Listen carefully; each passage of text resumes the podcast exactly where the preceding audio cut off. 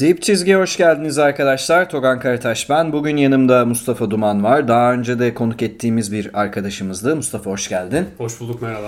Merhabalar. Şimdi ben yine alttan hafif bir caz müzik açıyorum arkadaşlar. Ee, Efecan ve Orçun Onat Demiröz bu hafta aramızda yok. Ee, ama şeyin haberini vereyim önden. Muhtemelen gelecek hafta e, tam kadro sahalara geri dönüş yapacak, geri dönüş geri dönecek e, dip çizgi.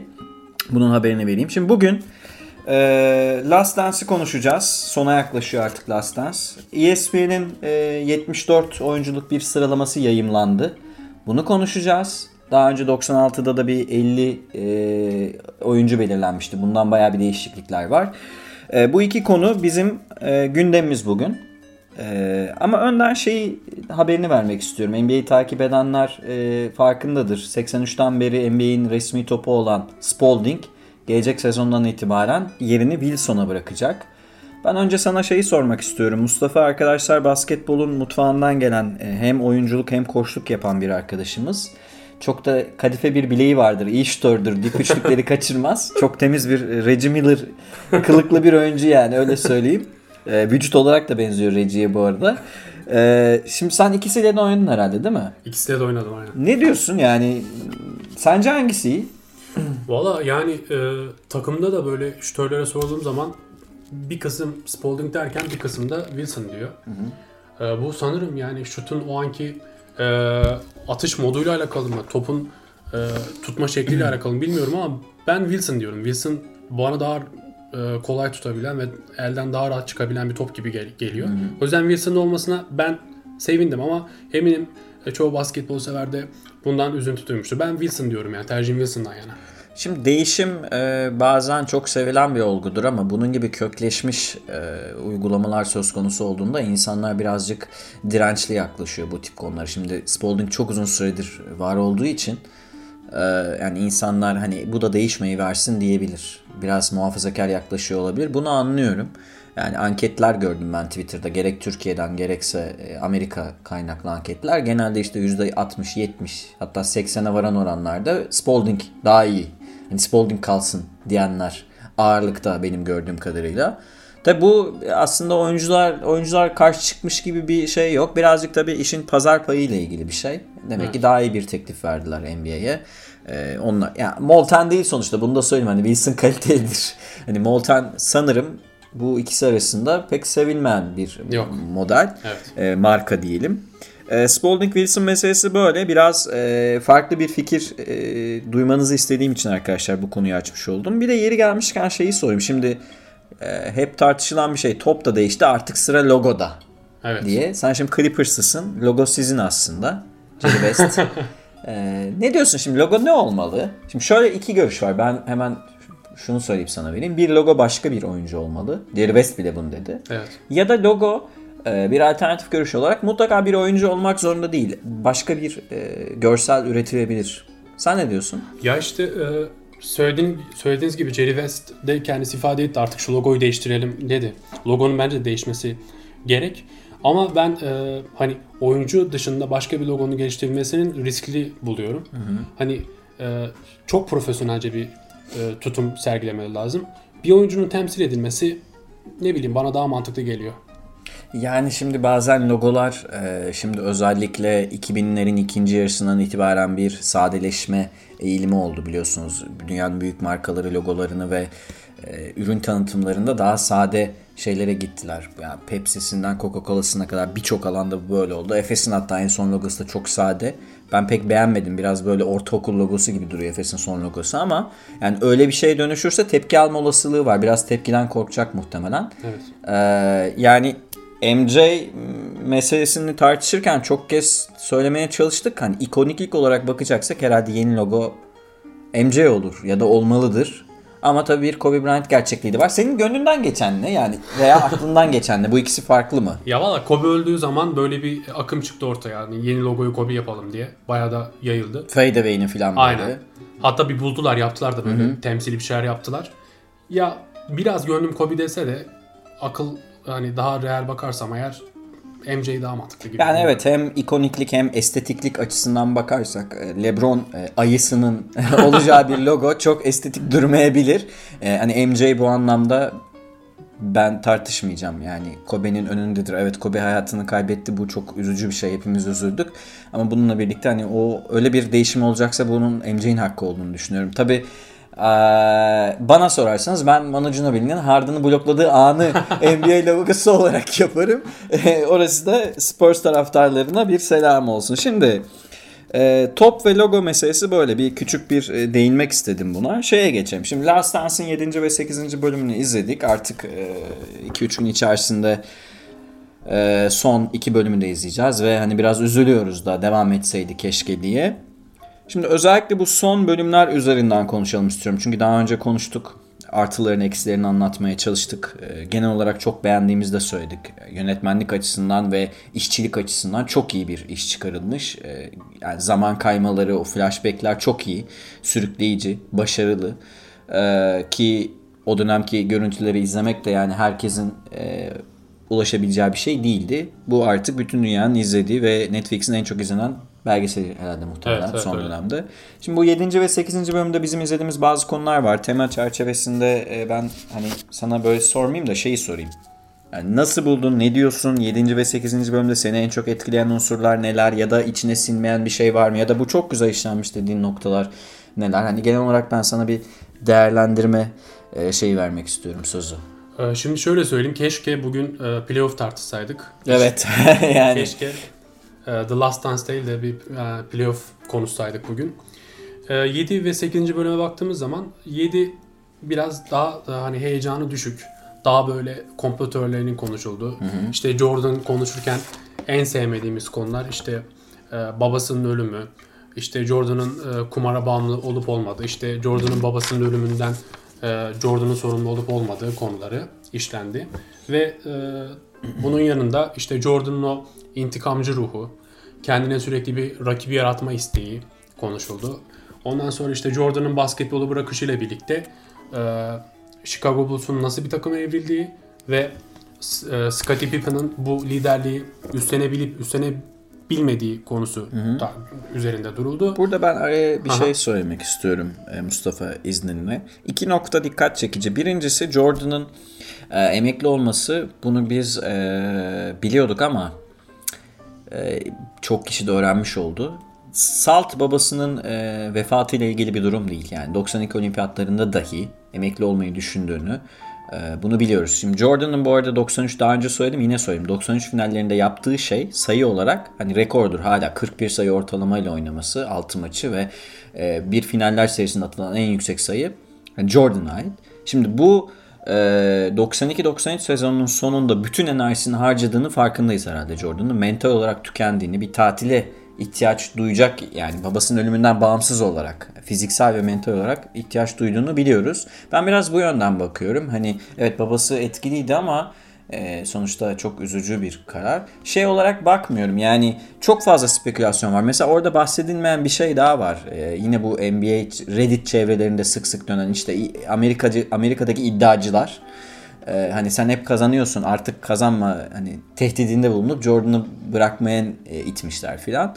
Ya bunlar tabii ki e, saçma geliyor. Doğruluk payı var mı bunu bilmiyoruz ama şu net ee, orada çok güzel bir söz vardı. Kim söyledi unuttum. David Stern bulup bulabileceğiniz en büyük kapitalistlerden biri. Evet gerçekten. Yani niye Jordan'ın yani ligin franchise olan bir oyuncunun bırakmasını istesin ki? Buna bu bu çerçeveden bakmakta sanırım fayda var. Daha bireysel bir karar olduğunu düşünüyorum ben. Lig çerçeveli bir karar değil gibi geliyor bana açıkçası. Ya bir kere 18 aylık açığı alınma muhabbeti tamamen zırva. Yani o yani yani öyle bir şey yok. Ee, öte yandan Jordan'ın kumarbaz olduğunu hepimiz biliyoruz. Kumarda çok fazla para kaybettiğini de biliyoruz. Bu e, çok önemli bir konu değil bence. Kaybedip kaybetmemesi tartışılır belki ama ben şuna eminim. Jordan asla maçı satmamıştır. Yani handikaplarla oynamamıştır. İşte mafyadan e, para almamıştır. Ben buna inanmıyorum. Jordan'ın böyle bir şey yaptığına inanmıyorum. E, yani komplo teorileri de ne bileyim yani e, bu konuyu aslında çok konuşmayı da sevmiyorum. Çünkü onlarca komplo teorisi var. Ee, böyle kitap yazma zaten var. Bir sürü de kitap var bu konu hakkında. Hı hı. Ya bu konu biraz e, sıkıcı. Pek konuşmayı hı. sevdiğim bir konu değil. Hı hı. Ama ben Jordan'a dediğim gibi maç sattığına inanmıyorum yani. Hı hı. Peki e, sonraki bölümde de anlatılan bir mesele var. Bu sevilmeyen karakter durumu. Şimdi ben e, kişisel olarak şunu söyleyeyim. E, ben Jordan'ın takım arkadaşı olmak sanırım istemezdim. E, Şu yüzden yani iş ahlakına bağımlı olmaya çalışan biriyim. Hani naçizane iş ahlakımın olduğunu düşünüyorum. Bilmiyorum ne kadar iyi. Belki yoktur ama elimden geldiğince yani çabalarım. Bununla birlikte insanları bu şekilde motive etmenin adının liderlik olmayacağını düşünenlerdenim ben. Ee, hani ben senin diğer notlarına da bakıyorum bir yandan. Mustafa çok iyi çalışıp gelmiş arkadaşlar. Buradan Orçun'a ben bir laf sokayım. Orçun'dan daha iyi çalışıp gelmiş. Şimdi e, bu liderlik meselesi şu yüzden önemli. Jordan bıraktıktan sonra Pippen'ın ne kadar demokrat biri olduğunu ve ne kadar sadece takım içinde değil bütün ligde çok sevilen bir karakter olduğunu görüyoruz. Ve ilk sezon takım sadece 2 galibiyet daha az kazanıyor. 55 galibiyet kazanıyor.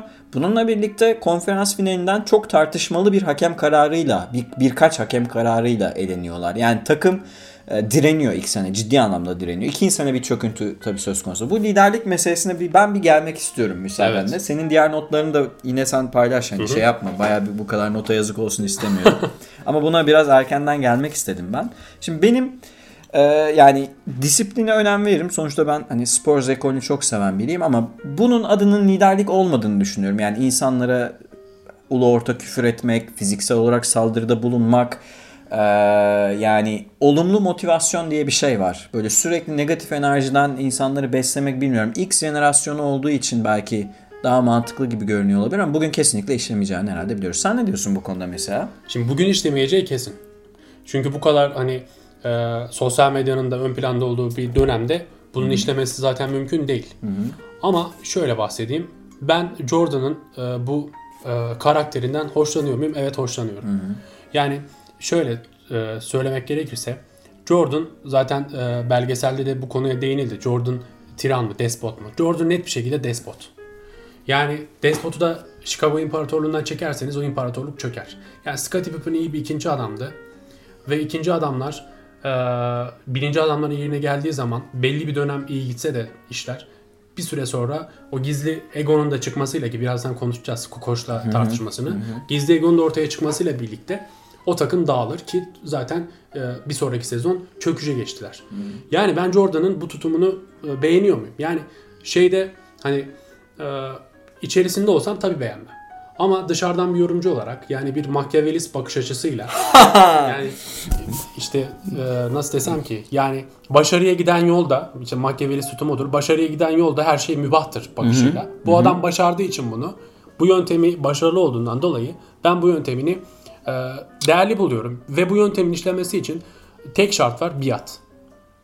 Zaten kendisi de söylüyordu. Hmm. Yani ya buna e, tamam diyeceksin ya da gideceksin. Bu Scott Barrel'ı e, sürekli bir üstüne gitmesi meselesi var. Steve Kerr'le olan kavgalar var. Çok yarım yamalak anlatılan Craig Hodges'la olan kavgalar var. Ee, yani baya var. BJ Armstrong mesela yani cidden Pe- Paxson, Paxson meselesi pek anlatılmıyor. Paxson'la çok ciddi kavgaları var. Hani baktığında takımla kavga etmediği bir Pippen var sanırım. Radman'a biraz yaklaşamıyor. O da deli bir herif olduğu için. Daha böyle daha mesafeli davranıyor. Bir de güç dengelerini korumaya çalışıyor. Evet. Radman'a çok ihtiyacı var çünkü. Ama harcayabileceği herkesi rahatlıkla hani harcarım ben siz kimsiniz e, şeklinde biraz davranışı var. Şimdi bu biraz şeye de giriyor. Sen Machiavellist deyince ee, ya işin tabi politik boyutları da var bu anlamda. Şimdi şeyi söyleyeyim hani Marksist ekolde çok tartışmalı bir kitap var. Ee, Lenin'in otorite anlattığı kitap. Şimdi o e, mesela anti Marksistlerin ya da revizyonistlerin bir kısmının temel argümanı Lenin Lenin diyorum özür dilerim Engels'in. Engels'in bir kitabı bu. Engels'in bu kitabının Stalin'in despot uygulamalarının temeli olduğunu gösterir mesela. Şimdi otoriteyi nasıl tanımladığınız, hani otoriteye ne kadar güç bağladığınız, yani disiplin eşittir ne ne kadar otorite olmalı? Yani bir iş yerinde, sonuçta orası bir iş yeri gibi düşünelim. Bir kulüp tamam eğleniyorlar ama orada bir iş yapılıyor, profesyonel bir iş. Bir disiplin sahibi olabilmek için, iş ahlakına sahip olabilmek için otoriteyi hangi seviyede tutmak gerekiyor ve kimin elinde bulundurması gerekiyor? Bir oyuncunun mu elinde bulundurması gerekiyor? Yani hani şey podcast öncesi konuşuyorduk. Yani ben Spurs'un şeyini severim mesela disiplinini severim ama bir yandan da baktığınızda hiç kimse Spurs'a 20 sene boyunca takımın üstüne çıkmamıştır. Popovic dahil. Yani takımın süper yıldızı da koç olmuştur. Bu anlamda ben hani bu bakış açısıyla eski kültürü seviyorum. Hatta bir ek daha yapayım. Jordan'ın Çok içten biri bu arada yani bu çok net hani şey değil yapmacık değil hareketleri.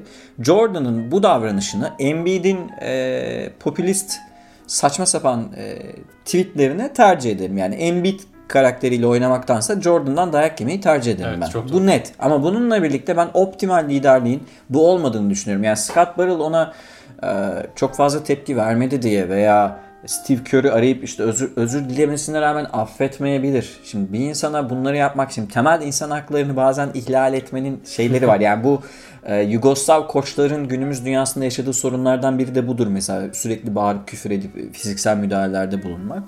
Ee, Hani günümüz için kesinlikle geçerli değil. Tabii o dönem düşündüğümüzde e, yani Jordan kendisini Dream Team'in de en tepesinde gören haklı olarak bir oyuncu olduğu için mesela o şey soruları var ya bir önceki bölümlerde var işte son top kim kullanır? Tabii ki ben kullanırım diyor Dream Team'de. Tabii ki son topa kalmıyor Dream Team'de hiç. Şimdi bu birazcık bana e, iyi bir liderlik örneği gibi gelmiyor. Daha ben e, senin dediğin şeyi söyleyeyim hani ben biraz kurumsalcıyım bu konuda.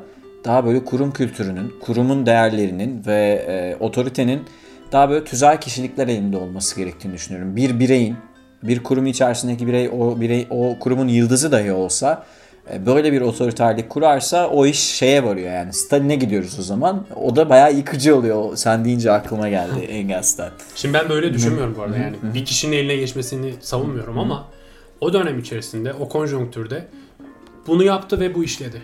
Bu başar, yani bunu başardı.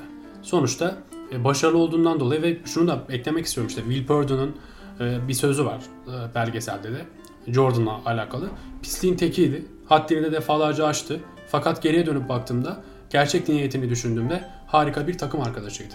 Şimdi bu söze baktığımız zaman e, yani işte Paxson'ın, Purdue'nun ne bileyim Horace Grant'in röportajlarına baktığımız zaman hala o günlere özlem duyduklarını görebiliyoruz.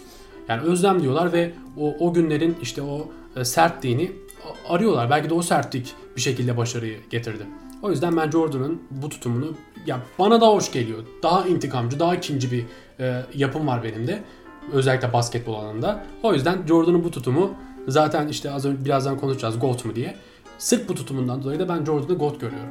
Böyle. Peki başka notlarını görüyorum ben. Onlardan da biraz bahset İşte, istersen. e, Last Dance'ın 7 ve 8. bölümde senin dikkatini çeken notlar neler? Şimdi- Ağır spoiler veriyoruz arkadaşlar. Artık herkes izlemiştir.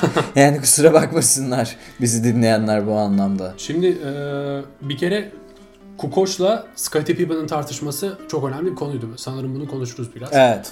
Yani e, ben Phil Jackson olsaydım 1.8 saniye kala o topu Kukoç'a verirdim. Niye? Çünkü topu tutar tutmaz bir şut atılması lazım.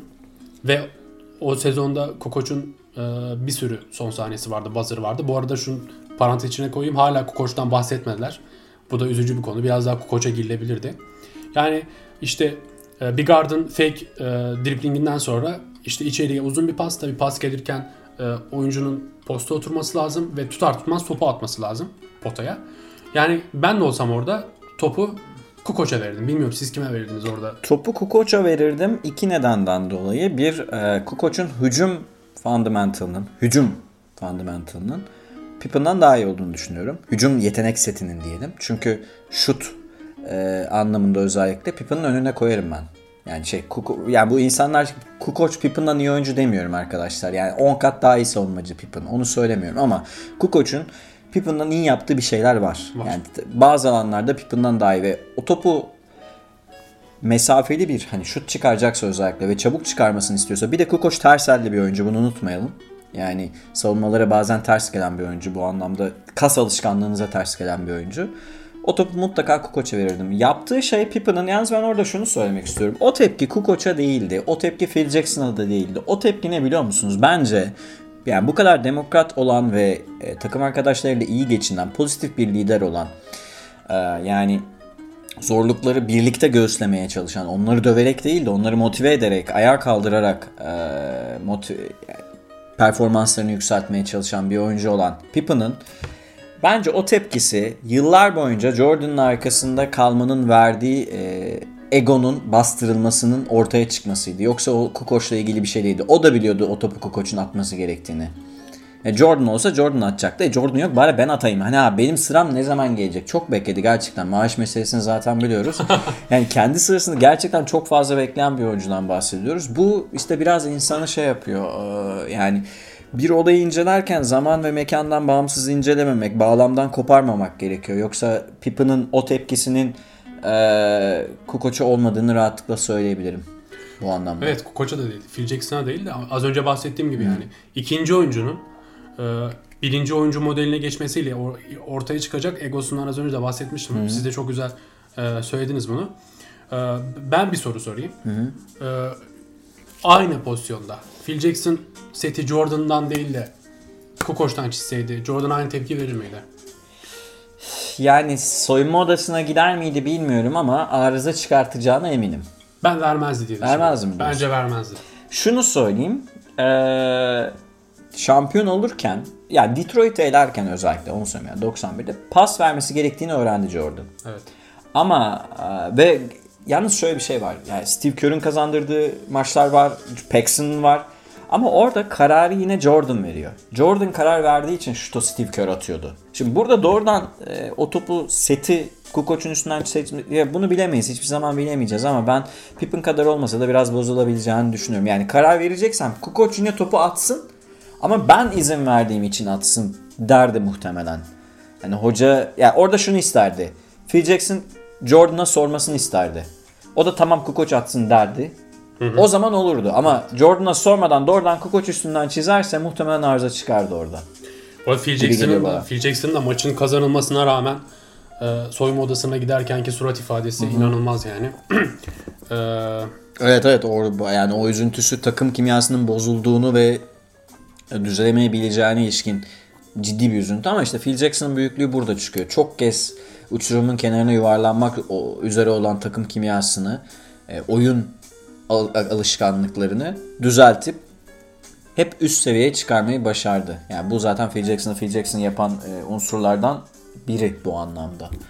bu arada belirtelim e, Scottie Pippen hala daha pişman değil e, o yaptığı hareketten. Evet değil. Yani- Yani, yanlış yaptım ama pişman değilim diyor. Yani de- Böyle, değiştirmezdim. diyor. böyle bir saçma sapan bir e, şey var.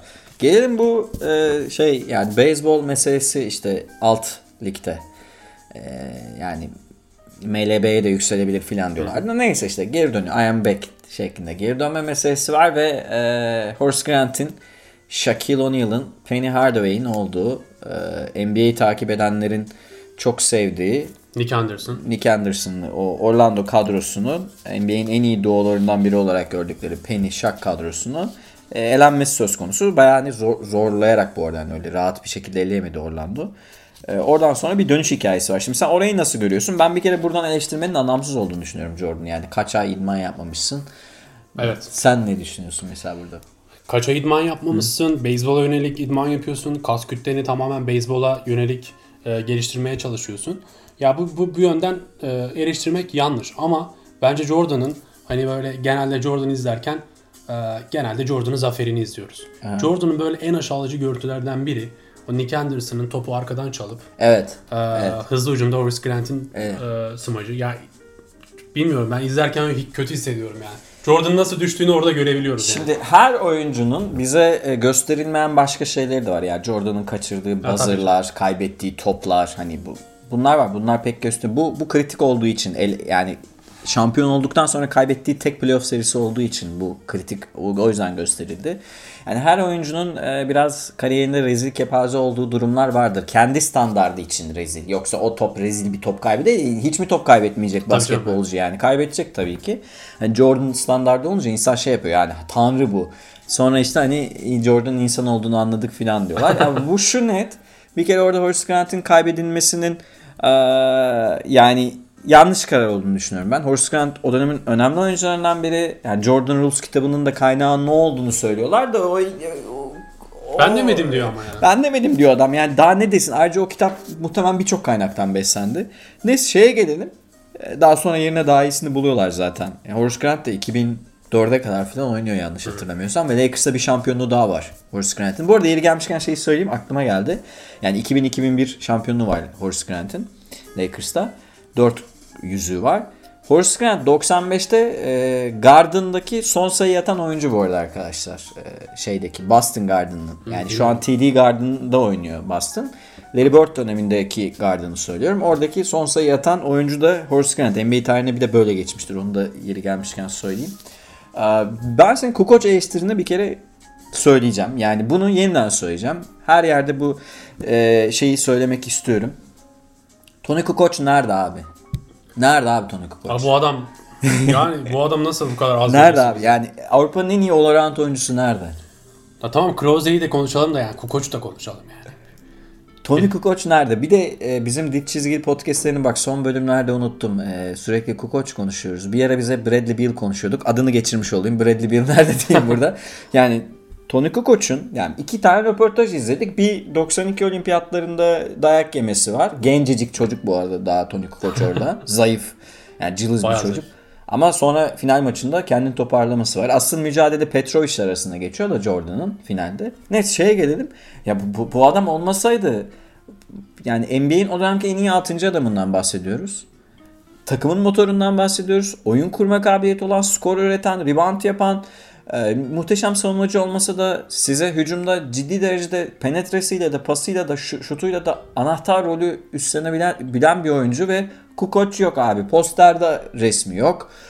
Şeyde adı geçmiyor. İki tane röportaj yapılmış Kukoc reisle. Zaten birinde hani resmen Kukoc'u dövüyoruz. Birini yani. da dövüyoruz. Öbüründe de işte hani şey böyle hani Pippen bizi taşıdı. Pippen'a bir teşekkür var. Steve Evet. Kerr'de de aynı şeyler var. Hani bu kadar değil. Bir de ben buna bir şey daha eklemek istiyorum. Şimdi her oyuncuyla muhtemelen tabii ki yapılamaz. Yani her oyuncuyla röportaj yapmak çok kolay bir şey değil. Bir kısmı da muhtemelen istemedi bunu. Longley'de abi henüz görmedik. Yani Longley bu arada pek adı geçmeyen bir oyuncu. Dönemin Bulls kadrosuna bakarsanız arkadaşlar Harper fizikli. Pozisyonu için söylüyorum. Harper fizikli. Jordan fizikli. Kukoc fizikli. Pippen fizikli. Rodman kısa ama çok atlet. Çok güçlü bir oyuncu. Longley de fizikli. Ayı gibi bir herif Longley. Yani posta arkasında oyuncu alabilip yarım yamalakta olsa skor üretebilen, çemberi belli seviyede savunabilen bir oyuncu. Ya mesela Wennington konuşuyor. Abi Longley Bilmiyorum Longley konuşmak mı istemedi? Longley'den az bahsediliyor mesela. Çok az bahsediliyor. Evet. Longley'in de ben hani bu anlamda müthiş bir oyuncu muydu? Hayır ama önemli bir parçaydı. O takımın olmazsa olmaz parçalarından biriydi. Hani bunu e, benim şey dikkatimi çekti. Bu tabii meşhur şey birkaç seri gösterildi işte. New York serisi var. Ee, 4 ışık bir meşhur. Onun dışında işte bu Orlando serisi var. Ee, senin mesela böyle daha böyle odaklandığın bir nokta oldu mu bu son iki bölümde? Ayrıca bu bahsettiklerimizin dışında. Ee, yani benim daha çok odaklandığım 7. bölümde başka bir şey yok. Birazdan 8'de zaten 8'de neler var Aynen, aynen, peki? birazdan 8'e geçelim. konuşacağız. 7 böyleydi. 8. bölümde de daha böyle Jordan'ın e, işte geri dönüşü, e, kendine rakip yaratması, BJ Armstrong'la yaşadığı yaşanılan hani o ikili e, rekabet. Ondan sonra bir fake Labra, Labradford Smith hikayesi. Öyle bir şey yokmuş. Sonradan öğrendik bunu. Ondan sonra Orlando'dan alınan intikam. Ve en sonunda da işte Space Jam'le birlikte yapılan idmanlar, o meşhur idmanlar ve en sonunda da e, Seattle'la e, 96 final.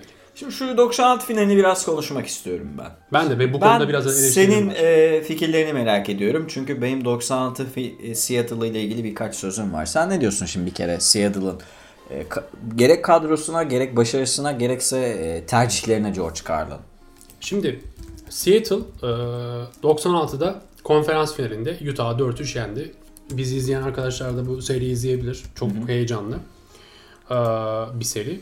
Yani Seattle'la Chicago Bulls'un karşılaşması belki de bilmiyorum başka var mıdır? E, en fazla kadro kalitesi farkı olan eşleşmelerden birisiydi. Gerçekten çok büyük fark var. Yani oyuncu kalitesi anlamında çok Ha, büyük Seattle fark var. 64 galibiyeti çıktı ama Bulls'un 72 galibiyet 70. alıp tarihin en iyi performansını sergilemesi o döneme kadar. Golden State sonra geçti. E, yani Böyle bir gerçeklik var. Arada arada çok büyük bir fark vardı ama e, bu e, Seattle'la Chicago arasındaki finalin çok önemli detayları var. Yani bu detaylardan bahsedilmesi lazım. Özellikle burada bir dördüncü maç var ki ya gerçekten NBA tarihine geçecek bir maç. Hani o e, tamam o kadar olmaz. LeBron'un 2016'daki final maçı gibi olmaz tamam ama e, yani bu da çok önemli bir maç. Hani 3-0 geridesiniz. Ee, karşınızda 72 galibiyet almış bir takım var. Ve sizi ezmişler bu üç maçta Fişi da. çekecekler. Fişi çek yani fişi çekecekler. Sen dördüncü maçta e, maça asılıyorsun. Gary Payton'ın hani röportajlarına bak. Bıraksan şimdi bir daha Jordan'ı savunacak gibi konuşuyor. Hani adam hala daha hırslı yani. Jordan'dan bahsederken o içinden hala daha bir ateş çıkıyor. Yani ben Gary Payton'ın o içerisindeki hırsı biraz Jordan'a benzetiyorum. Yani Gary Payton biraz yeteneksiz Jordan gibi. Gerçekten çok hırslı. Savunma anlamında tarihin en iyi defansif gardı olabilir. E, Yani, Yani ben, ben de ona defansif anlamda. Yani o dördüncü maçtaki savunması, e, seriyi 3-1'e getirmeleri, ardından 3-2'ye getirmeleri. Arkadaşlar ben e, hani öneriyorum o dördüncü maçı bir izleyin. O Şöyle söyleyeyim ben sana şöyle bir destek vereyim. Jordan'ın şut yüzdeleri şöyle arkadaşlar. İlk 3 maç %50, %41, %47.8. İlk 3 maçtaki yüzdeler. Ee, Son 3 maçtaki yüzdeler %31.6, %50 ve %26.3. Ve bunu yaparken son 3 maçta 9'da 1 üçlük atmasını sağlıyor toplamda. Yani büyük ölçüde penetrede Jordan'ın penetresini savunup perimetre şutunu boş bırakarak yani bir tercih alıyor. Ben bir kere şunu söyleyeyim. Seattle fena kadro değil. Bakın fena kadro değil diyorum. Çok iyi kadro demiyorum. Ve o fena olmayan kadro 64 galibiyete çıkıyor. Bir kere NBA'in kalitesini buraya bir şerh olarak düşüyorum. Yani NBA'in kalitesinin ne olduğunu burada bir düşünebilirsiniz. Şeye gelelim.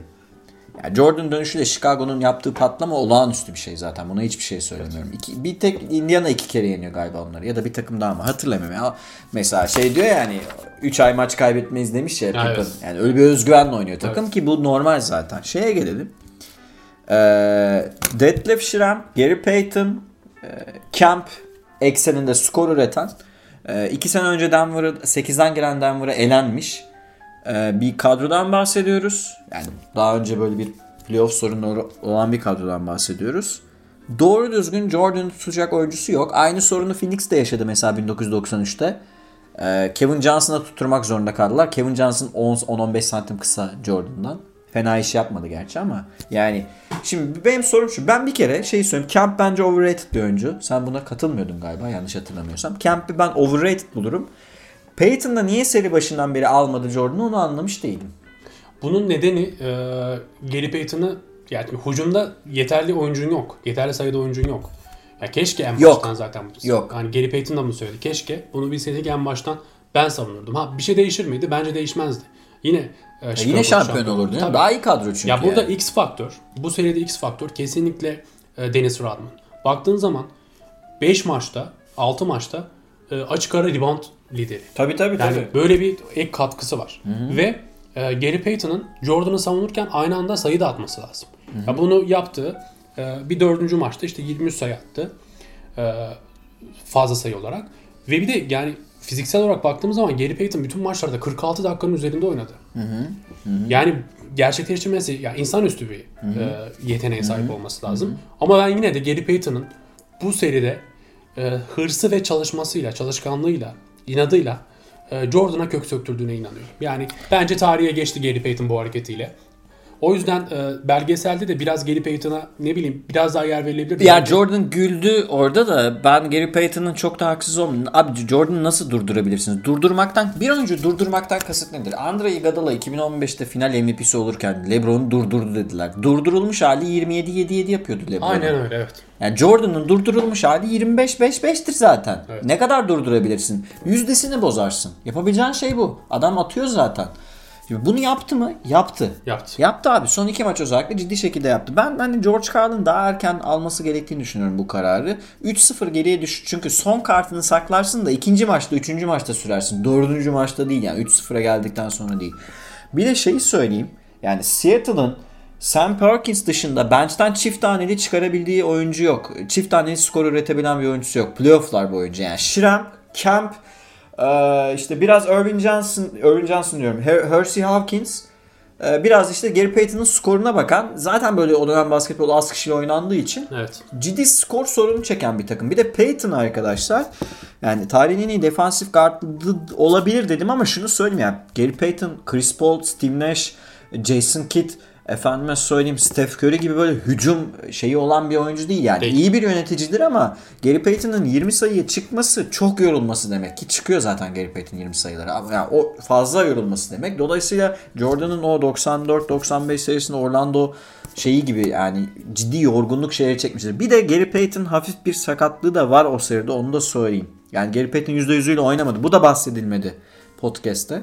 Bundan da söylenmedi. O seride hafif bir sakatlığı var Gary Payton'ın. %100'üyle oynamadığını söyleyeyim.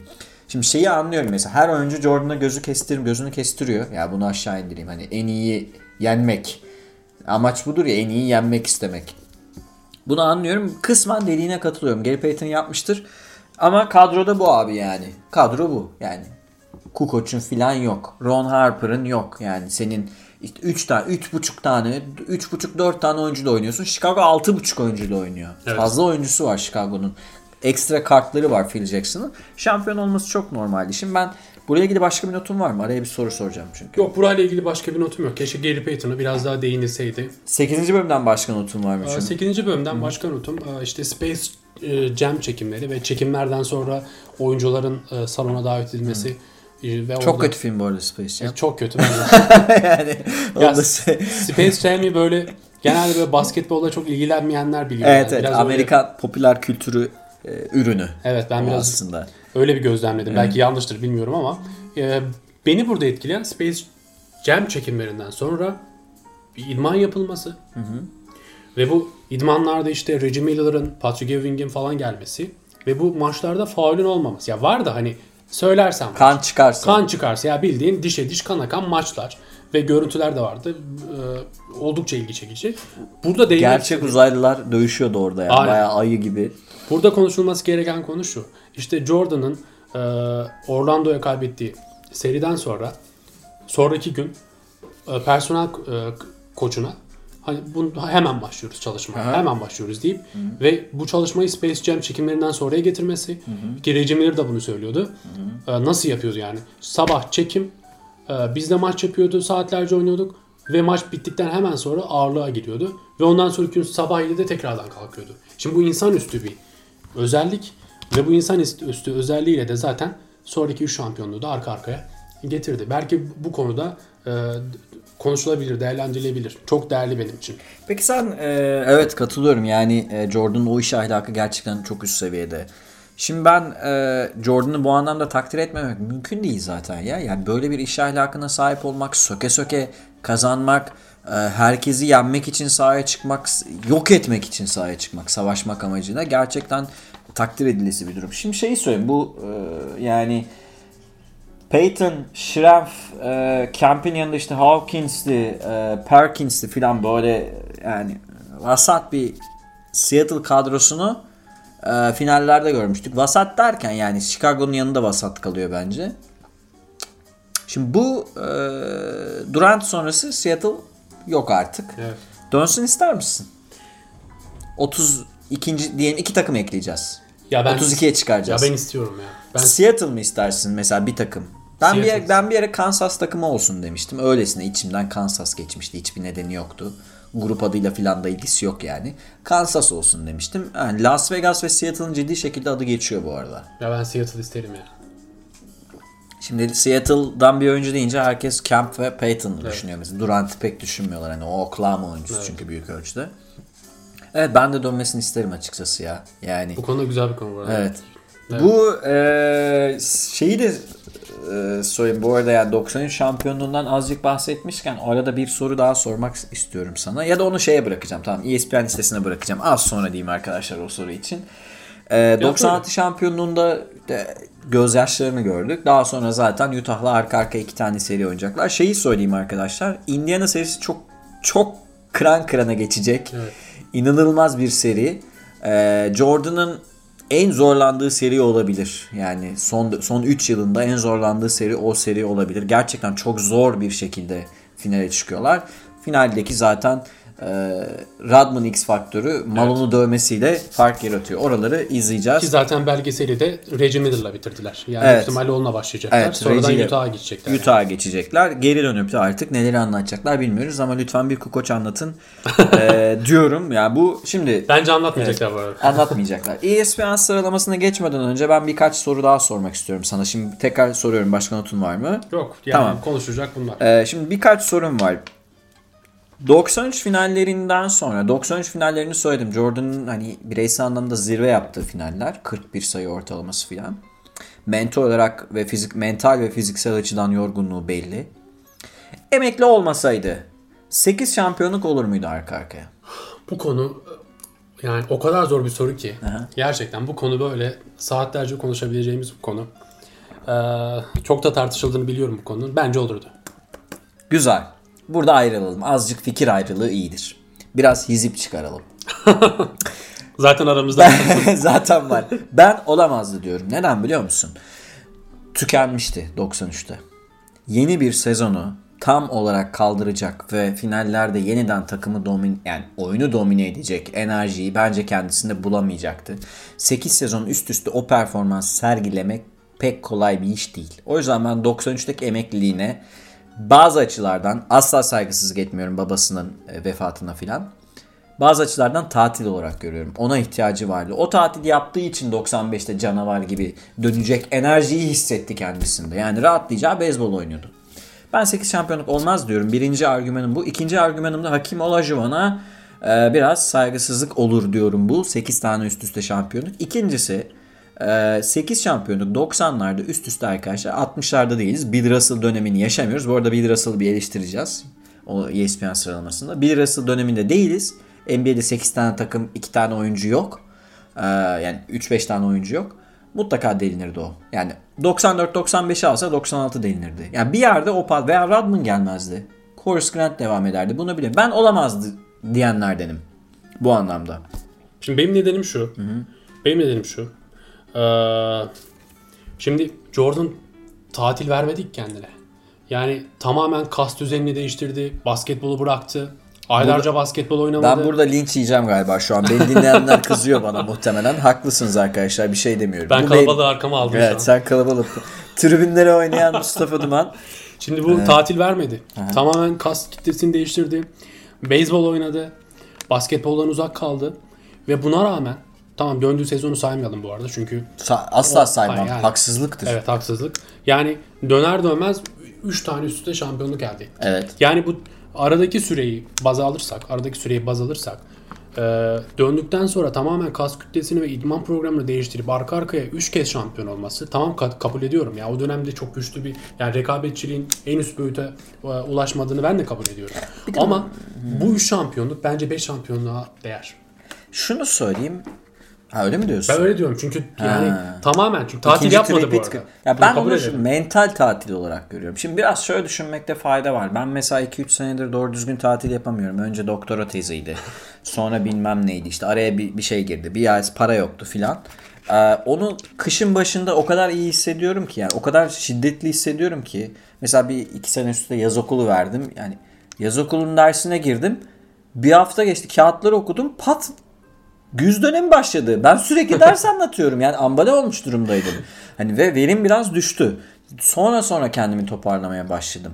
Şimdi bu verimliği sürekli en tepede en yüksek verimlilikle oynamak özellikle playoff seviyesi için e, çok kolay bir iş değil. 8 sene üst üste onu mental olarak kaldırmak çok kolay bir iş değil. Çünkü çok aç takımlar gelecek. Yani onu isteyen, dönemi geldiğin, kendi döneminin geldiğine inanan takımlar Yani gelecek. Houston'a Toslar diyoruz. Bence birine en az ikisine hatta yani 6 şampiyonun üstüne çıkabileceğini düşünmüyorum. Tostlardı. Bu Jordan'ın büyüklüğünden bir şey kaybettirmez. 6 şampiyonluk 6 şampiyonluktur. Orada duruyor zaten. Ama daha kötü bir hikayesi olurdu. Ee, belki yani tripit şeklinde olmayacaktı belki. Yani iki tane trip. Çünkü Jordan yani Bird'ün ve Magic'in yapamadığını yaptım diyor haklı olarak. Evet.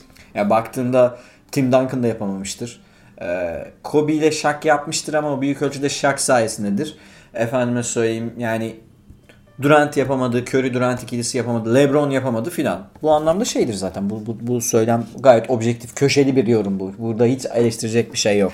Sadece ben mental e, açıdan bakıyorum. 8 şampiyonluk meselesi böyle. Peki ikinci soru. Bu yine NBA gündeminde tartışılan sorular arkadaşlar. Biraz Amerikan gündemini size taşımak istedim. 98-99 free agent döneminde Jordan emekli olmasaydı yani biz şunu düşündük hep. Emekli olacağı çok belliydi. Phil Jackson dışında koçla oynamak istemiyordu. Bir de e, takımın prime'ının bittiğinin farkındaydı. Bu gizli bir tabi. Bu benim yorumum. Ben ve Orçun'un yorumu diyelim. E, mesela yani oynamaya devam etseydi ama Bulls'dan ayrılsaydı mesela e, Lakers'a geçseydi. Philadelphia diyecektim. Lakers'a geçseydi. Lakers hanedanlığı erken başlar mıydı? 2000, 2001, 2002 Lakers'ın şampiyonlukları. Abi bu da çok zor soru ya. Evet. Başlardı diyorum. Ben de şu bu sefer sana katılıyorum şu açıdan. Şimdi Lakers'ın o kadrolarına baktığımızda mesela 97-98'den itibaren yükselmeye başlayan Nick Van Excel'li, Kobe'li, Shaq'lı bir kadrodan bahsediyoruz. O kadronun temel sorunlarından biri Nick Van Excel'i bir kenara koyarsak tecrübeydi. Özellikle Kobe çok gençti. Airball'ları var Utah'a karşı. O seri meşhur 98. Evet. Ee, orada tecrübeli bir skorerin, tecrübeli bir e, winner'ın 6 tane yüzük var. Boru değil yani. Varlığı 2000'de başlayan şampiyonluk serisini öne çekebilirdi. Ve bu durum Kobe'nin mirasını bayağı etkilerdi bir kere kesin. Jordan'ın da belki etkilerdi. Çünkü Shaq'ın e, MVP olduğu serilerden bahsediyoruz. Bu arada açın bakın arkadaşlar 2002-2002 arasında Shaq'ın yani playoff performansları ins- insanüstü. İnsanüstü. Cidden insanüstü. Yani çünkü e, öyle bir ayı ki sahada.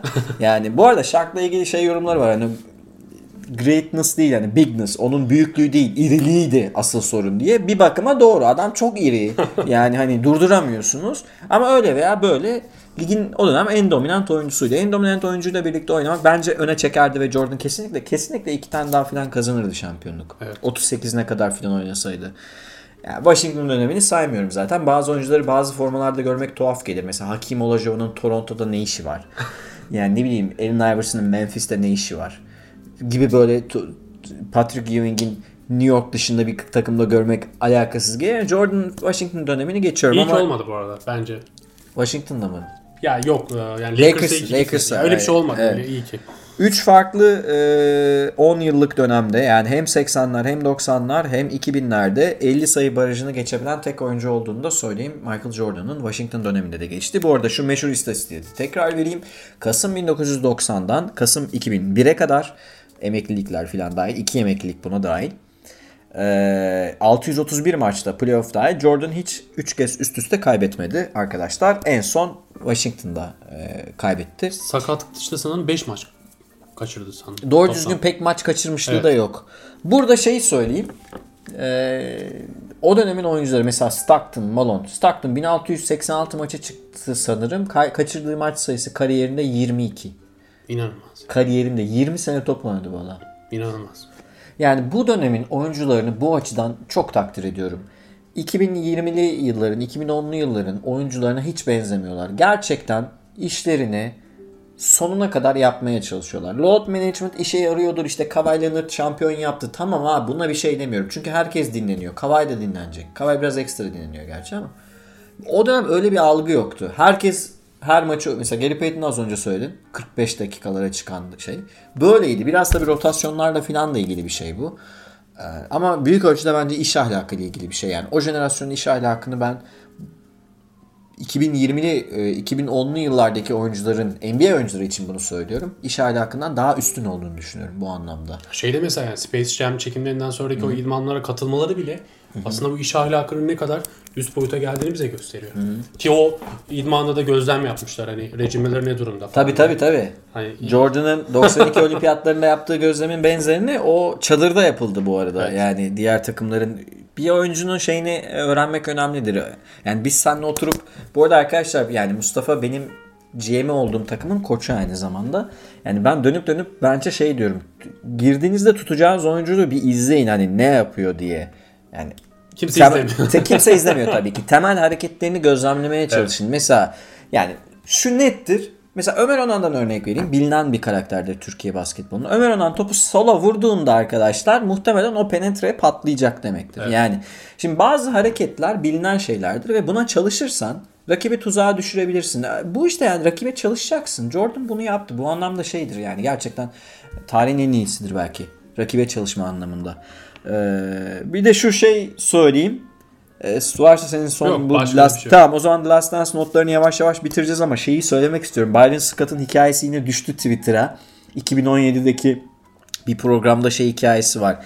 92-93 sezonunda arkadaşlar 3. şampiyonluğa giderken e, Chicago Bulls Kasım 20 Kasım'da 1992'de Lakers e, deplasmanına çıkıyor.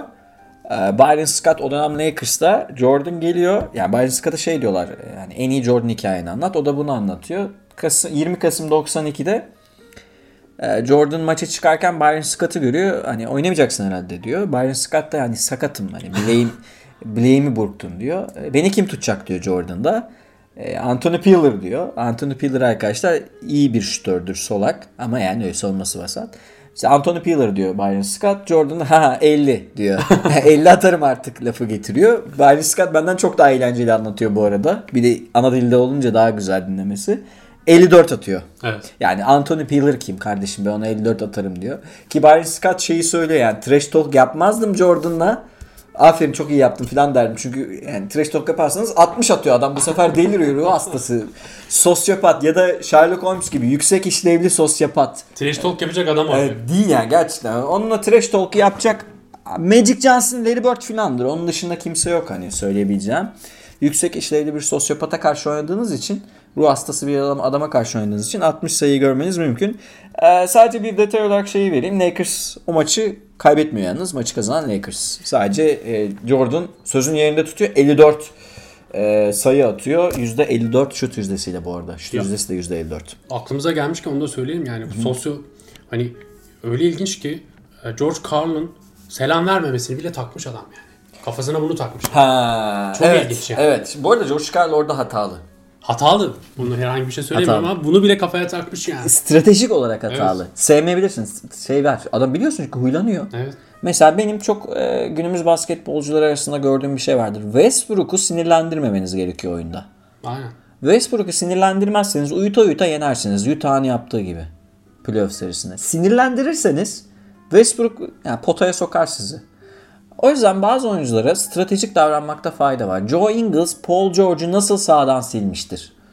Joe Ingles kim? Der diyebilirsiniz mesela. Yani Joe Ingles benim çok sevdiğim bir oyuncu da Paul George'un yanında kim yani hani? Ba- baktığınızda sağdan silmiştir. Westbrook sağdan silinmiştir. Ama şey değil yani böyle ha senden adam olmaz filan bir bok beceremiyorsun derseniz adamlar gaza gelir. George Carlin o yaptığı yanlış. Evet. Bir Esat yığılma yer değil tabii ama yani George Carlin yaptığı o anlamda bana biraz tuhaf geldi. Ee, daha sonra zaten kadro büyük ölçüde yenileniyor. Bunu Jordan da söylüyor. Tamamen yeni oyuncular geliyor ve çekirdek büyük ölçüde e, değişiyor ve yeni bir tripit'in ilk şeyini gördük. Daha sonra Utah serilerini e, göreceğiz. Şimdi 8 şampiyonluk hikayesini bahsettik. E, 98-99'da Lakers'a gitseydi konuştuk. Şeye geçelim. E, Last Dance böyle arkadaşlar. Son bölüm bizde, son iki bölüm sizde, e, sizin gibi bizde bekliyoruz. ESPN listesi 74 e, Kişi. kişilik, 74 oyunculuk. Bu biraz hani şey 74 Yıldan. sezona şey olarak 96'da yapılan 50 listesi gibi. Bir kere şunu söyleyeyim. Ee, 1996'daki ilk 50 oyuncu, en iyi 50 oyuncu listesinden 12 kişi liste dışı. Bayağı 74'ün de dışında. Bu 50 oyuncudan 38'i listeye dahil olmuş durumda ESPN tarafından. 36 tane de yeni oyuncu listeye dahil olmuş durumda arkadaşlar. O 38 kişi 96'da da listede olan oyunculardı. Aşağı yukarı yarı yarıya yeni oyuncular var. Ben ilk onu söylemek istiyorum. Sonra bir over-under'ları liste ESPN'in web sitesinde var. Bakabilirsiniz. Biraz bunu tartışalım.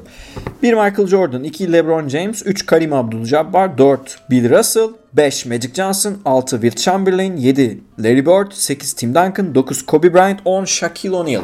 Bu ESPN'in ilk onu. Evet. Arkasından da Oscar, Hakim, Curry falan geliyor. Şimdi bir kere bunu konuşalım. Sen E ESPN'in listesini nasıl buldun? Önce ilk 10. Sonra bir over, yani underrated, overrated da konuşacağız ilk 74 için. Şimdi ESPN'in listesine baktığımız zaman e, zaten tweet'in altında da bir sürü tepki doğdu. Evet. Herkesin bildiği Evet. gibi. En büyük tepki Bill Russell'a. Şimdi Evet. bunu daha detaylı tartışacağız. Ee, ki biliyorum ki e, senin listenle benim listemde farklı ilk onda ESPN'de. Biraz farklı. Ha, biraz farklı duruyoruz.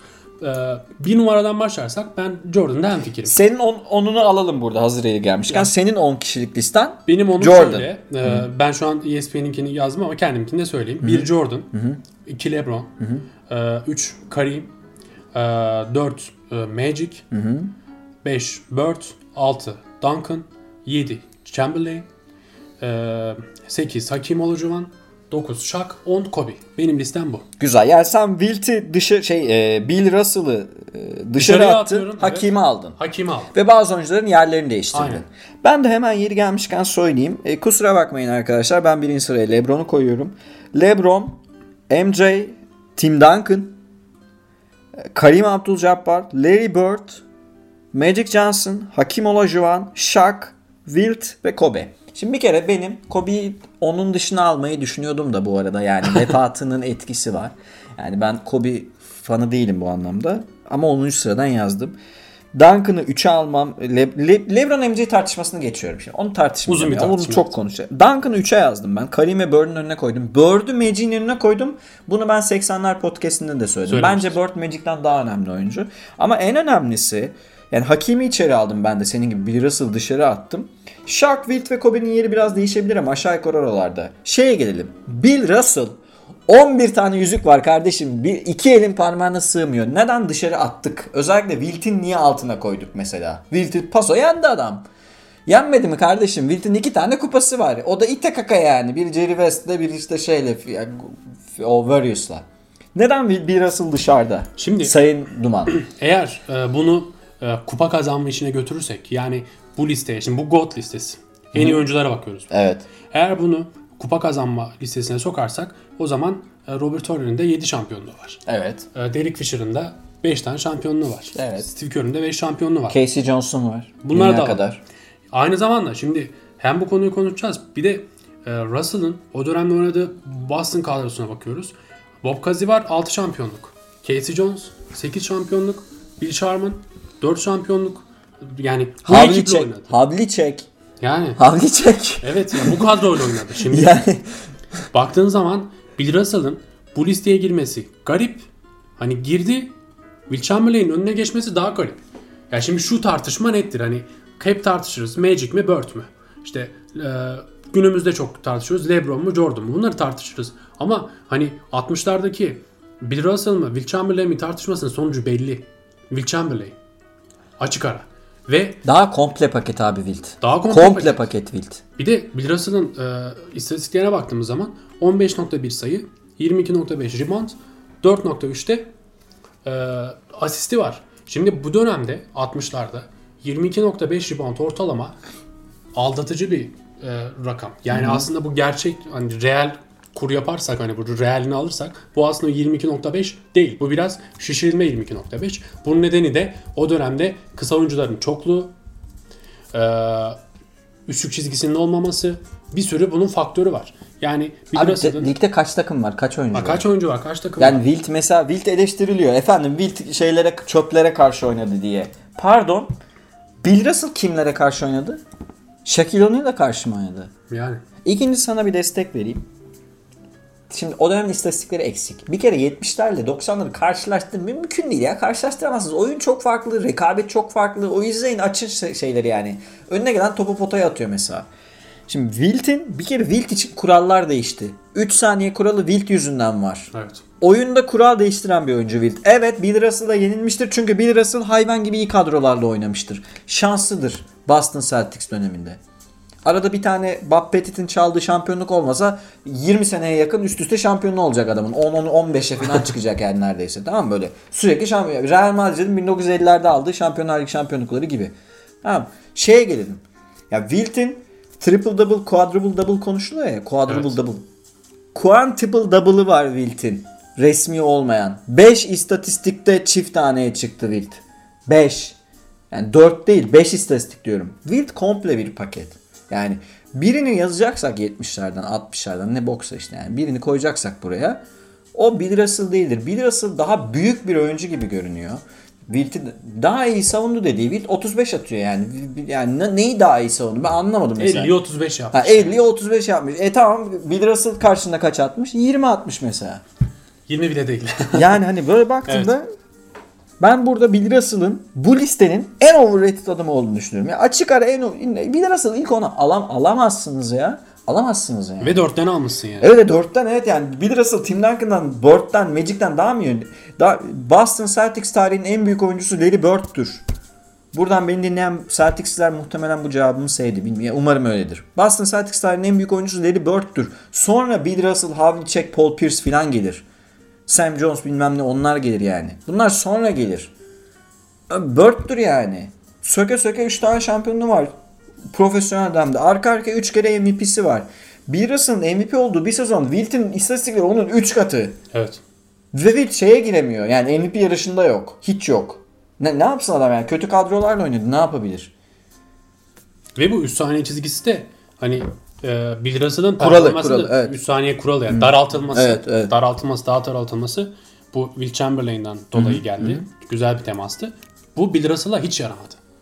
Yaramadı Evet, yani. evet. Hani performansını düşürdü. Baktığın zaman Bill Russell burada e, hani o gerçek e, nasıl anlatsam Kök gerçek salladı. Ağaç gibi kök. Evet. Yani böyle Neyse abi yani ben Bence çok da bir ya. şey Bill demiyorum. Yani Bill Russell'ı burada büyüklüğüne laf edecek değiliz. NBA'nin en büyük oyuncularından biridir de ilk onda değildir abi Bill Russell. yani. God değildir. Yani evet yani en büyük birkaç tane en büyük var diyelim. Boston Tek bir Celtics kişi. tarihinde olabilir değil mi?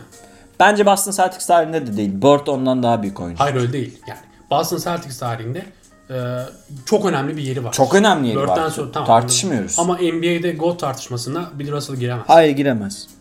Giremez abi. Burada net Giremez. bir şişirilme var yani. Yani ben bu e, şimdi bir kere bir de bir de bir oyuncuyu bir NBA medyası bir yere koyduğu an onu oradan indirmen imkan imkan İmkansız. ihtimal yok. Yani Bill Russell oraya koyuldu ve bitti kapandı olay yani. Bir daha tartışamıyorsun bile. Orada işte muhafazakar duruş hep böyle bir şey yapıyor, insanı zorluyor. E, diğer bazı değişiklikler var ama aşağı yukarı benzer liste yaptık. Ben sadece Duncan'ı 3'e aldım. Bu sports taraftarı Şimdi olmamla bunun ilgili bir nedenini şey. öğrenmek istiyorum. Tamam.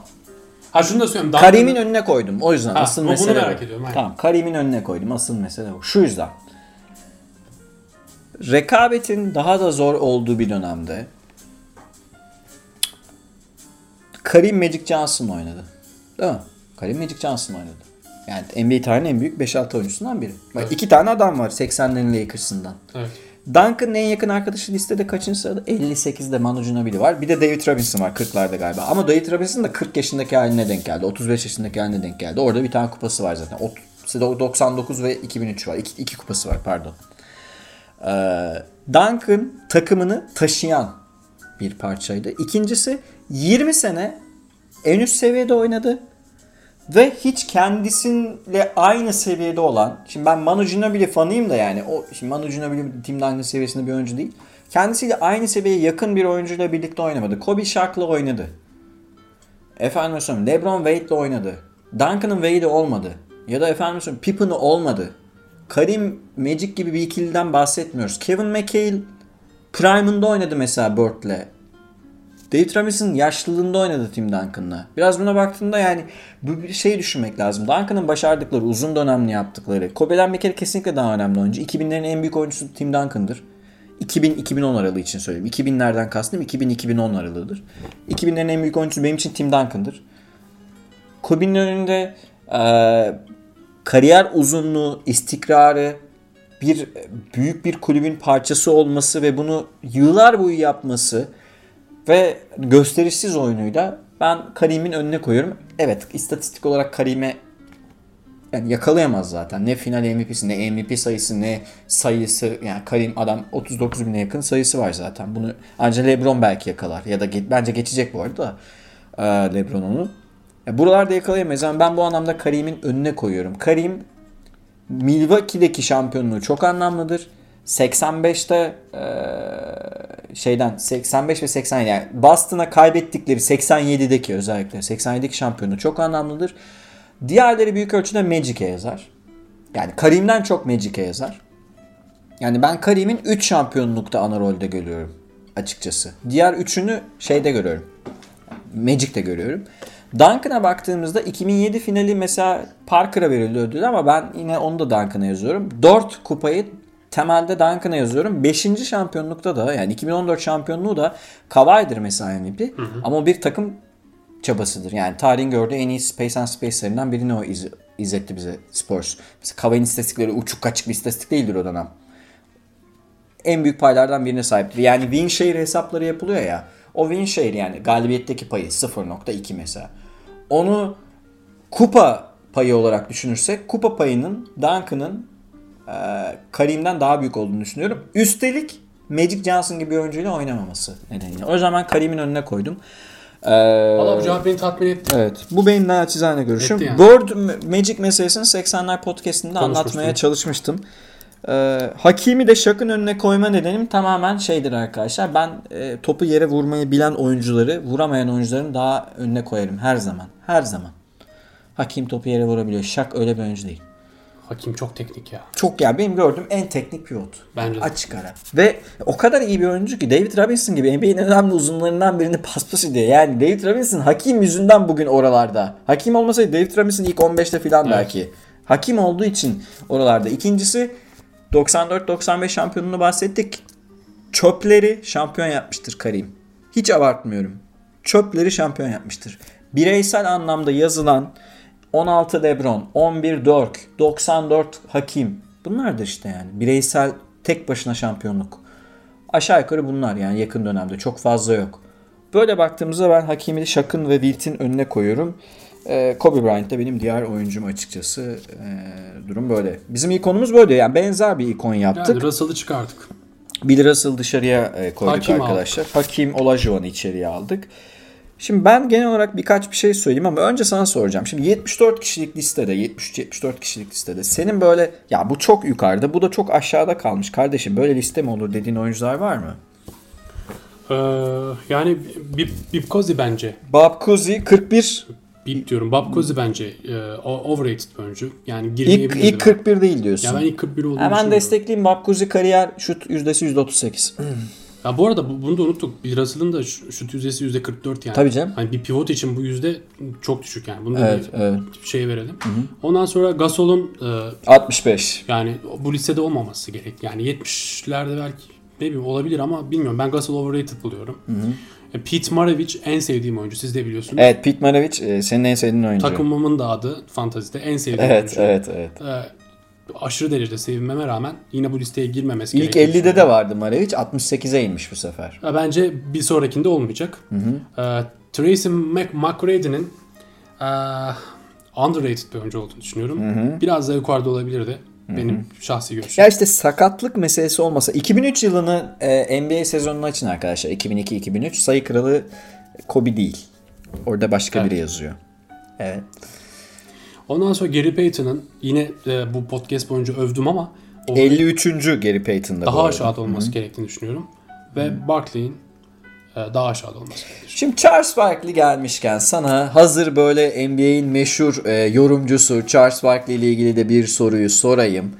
E, şimdi Draymond Green'i Charles Barkley ile benzeş karşılaştıranlar var. Benzeş yani şimdi Draymond biri pasör, biri reboundçı falan da. Ya biraz undersize uzun olarak. Şimdi Barkley overrated olabilir. Hani sana böyle çok karşı çıkmayacağım. Emin değilim ama. Yani Draymond Green'le karşı... hoşuma gitmiyor. Evet. Karşılaştırılabilir mi ya? Yani o kadar da düştüm yani Barkley. Bunu diyeceğim kusura bakma yani.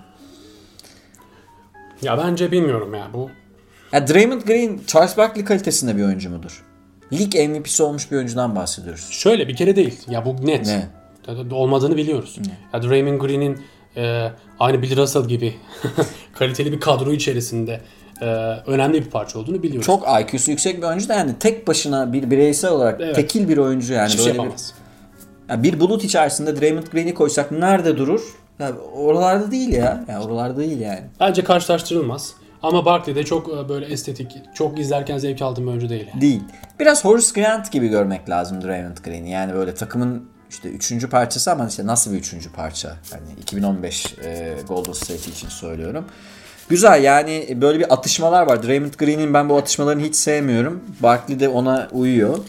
Barkley'de de var bir, bir türlü böyle bir çocukluk halleri. Ee, birkaç soru daha soracağım sana ama önce ben kendi şeyimi söylemek istiyorum. Bill Russell'dan bahsettim. Ee, kendi ilk 10 listemi yaparken zaten bazı oyuncuların over ve under olduğunu otomatik olarak söylemiş oldum arkadaşlar. Yer değiştirdiğim için. Hakimi de söylemiş oldum. Dr. J'nin ee, ee, Julius Irving'in kimisi mesela niye ilk 10'a girmedi diyor. Ben tamamen aykırı bir görüş belirteceğim. Overrated bir oyuncu olduğunu düşünüyorum. Geriye doğru gidiyorum tek tek. Karl 17. sıra oyuncusu değil. Overrated bir oyuncu bence. Dirk Nowitzki underrated. Şöyle ki Dirk Nowitzki Carmelo'ndan daha iyi oyuncu. Benim görüşüme göre arkadaşlar. Elgin Baylor ilk 22'ine girebilecek bir oyuncu değil kanımca. Ee, Barkley mesela yine evet burada onu söylemiyorum. Yani Elgin Baylor overrated diyorum. Giannis Antetokounmpo ne başarmış da NBA'in gelmiş geçmiş en büyük 27. oyuncusu oluyor. Yani. Ne başarmış Giannis Antetokounmpo henüz? Daha bir tane NBA finali yok. Bir tane MVP'si var. Derrick Rose'dan teknik olarak ne farkı var Giannis'in şu an? Başarı olarak söylüyorum. Başarı. Yannis overrated. John Stockton underrated. 20 şimdi John Stockton yaptıklarının ne kadar önemli olduğunu anlamıyor insanlar. John Stockton 28'den daha fazlası bence. Aynı şekilde 30'daki Steve Nash de underrated. Şunu söylüyorum. ikondur. Arada bir Allen Iverson var. İkondur. Allen Iverson ama oyuna katkı anlamında yani takıma gerçek katkısı anlamına baktığımızda Steve Nash Allen Iverson'dan daha önemlidir. Allen Iverson özellikle kariyerinin yani 27-28'den sonra 2001 finalinden sonra diyelim daha doğrusu 28'den sonra büyük ölçüde bireysel olarak oynayan ve Westbrook gibi bazen takımına zarar yazdıran bir oyuncu haline dönüşmüştü. O yüzden ben Nash'i onun üstüne koyarım. Isaiah Thomas 90'lar podcastinde de söyledim. Overrated bir oyuncu olarak görüyorum. Ama en azından Stockton ve Nash'in arkasına yazmalarına sevindim. Ama Isaiah Thomas, Kit ve Chris Paul'dan daha iyi oyuncu değil. Benim görüşüme göre. O yüzden Isaiah Thomas overrated buluyorum. Jason Kidd, Thomas o kadar yukarıdayken underrated.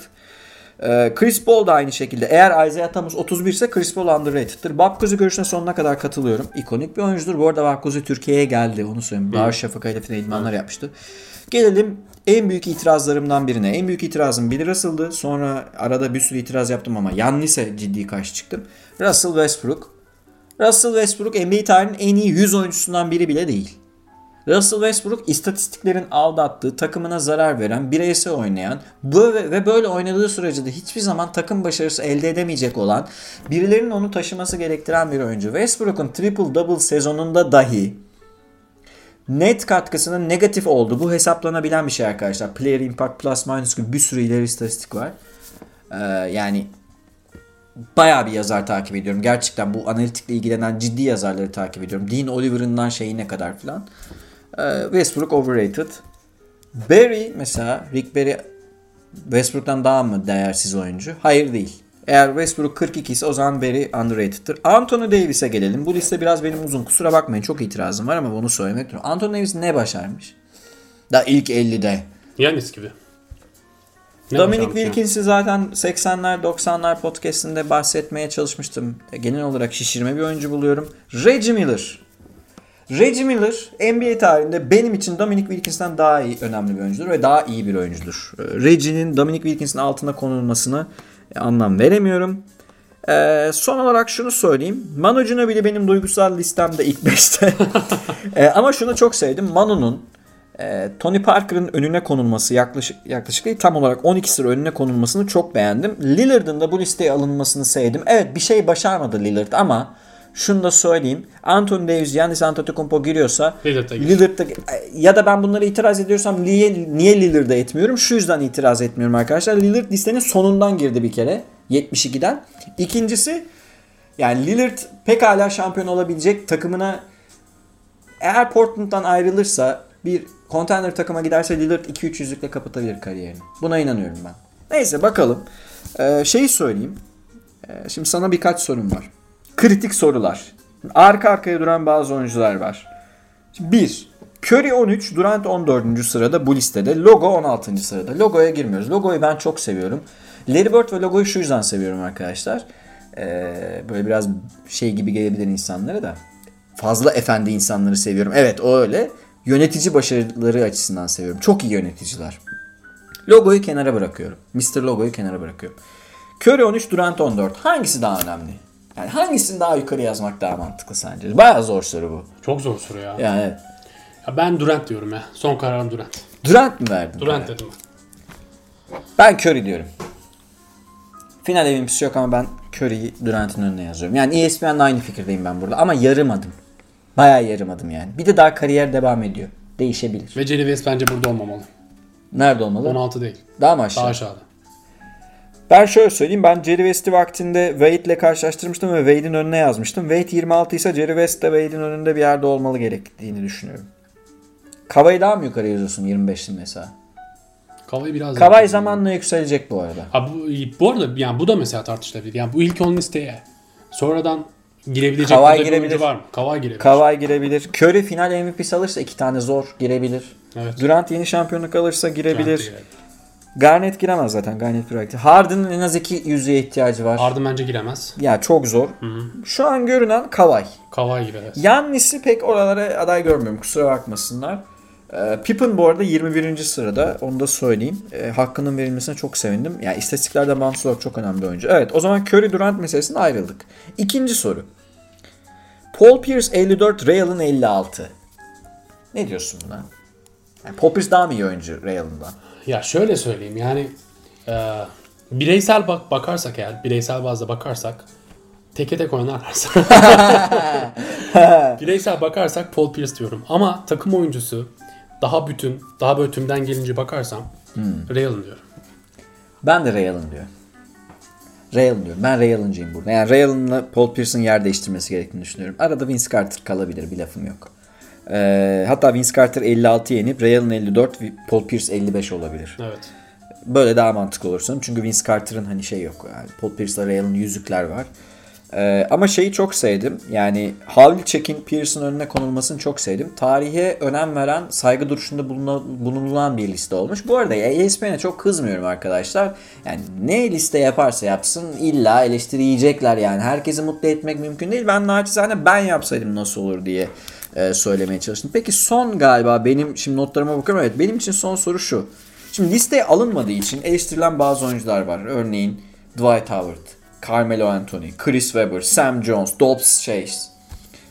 Sen olsan birini alır mıydın mesela listeye buradan? Yani şunu çıkaralım kardeşim bunu alalım ya da bunu Chris Webber niye girmez filan. Jason Williams'ı alıyor musun? Sen Jason Williams'ısın ee, mesela. Valla ya da ekleme yapayım. Mesela Shaw Camp ben almam. Penny Tamam. Hardaway, Nate Archibald, Grant Hill filan gibi bir sürü aday var. valla bir kere Howard'ı alma. O kesin yani. Hani Düştü Dwight- kariyer serbest düşüşte Aynen, diyorsun. Dwight Howard'ı oraya kesinlikle alma. Weber'ı alabilirim ya. Weber girmeli bence. Ya Chris Webber'ın biraz böyle üstüne yapışan loserlık e, onu bu listeden etti diye düşünüyorum. Ve sakatlıklar bir de istikrar sorunu var. 2002'de şampiyon olabilselerdi e, Webber bu listeye girecekti. Jason Williams'ı sokarım. Jason Williams sokuyor musun? Sokarım. Eskilerden birilerini çıkartırsın o zaman sen. Evet. Yani Birini çıkar. Bob Lanier, Bernard, Jason Maravic'i Williams'ı. çıkartırsın. Ha bu arada şey de söyleyeyim. Alex English'in listeye alınmasını çok sevindim Aynen. arkadaşlar. Benim underrated listemdeydi hatırlarsanız 1980'lerde. Ee, başka sorum benim yok. O zaman başka notun var Başka mı bir Mustafa? notumuz yok. Gayet e, Evet. tümden gelince Evet. bir anlayışla inceledik. Ee, arkadaşlar bugün e, The Last Dance'ı konuştuk. Konuşmaya devam edeceğiz yine muhtemelen. Ee, ESPN sıralamasına eleştirel bir bakış getirmeye çalıştık. Ama son olarak şunu söyleyeyim. Listeyi hazırlayanların eline sağlık. Çok kolay iş değildir bunları yapmak. Zordur gerçekten. Mustafa'ya çok teşekkür ediyorum. Ben teşekkür ederim davet ettiğiniz için. Ee, katıldığın için bu notlarınla. Bayağı zengin notları var. Bu notları fotokopiciye bırakacak. Vize notu diye satılacak bunlar arkadaşlar. Ee, çalışarak geldiğin için özellikle çok teşekkür ediyorum. Bir sonraki programda arkadaşlar e, görüşmek üzere. Dediğim gibi umarım tam kadro olacağız. E, herkese selamlar diliyorum. Sağlıcakla, hoşçakalın. Hoşçakalın.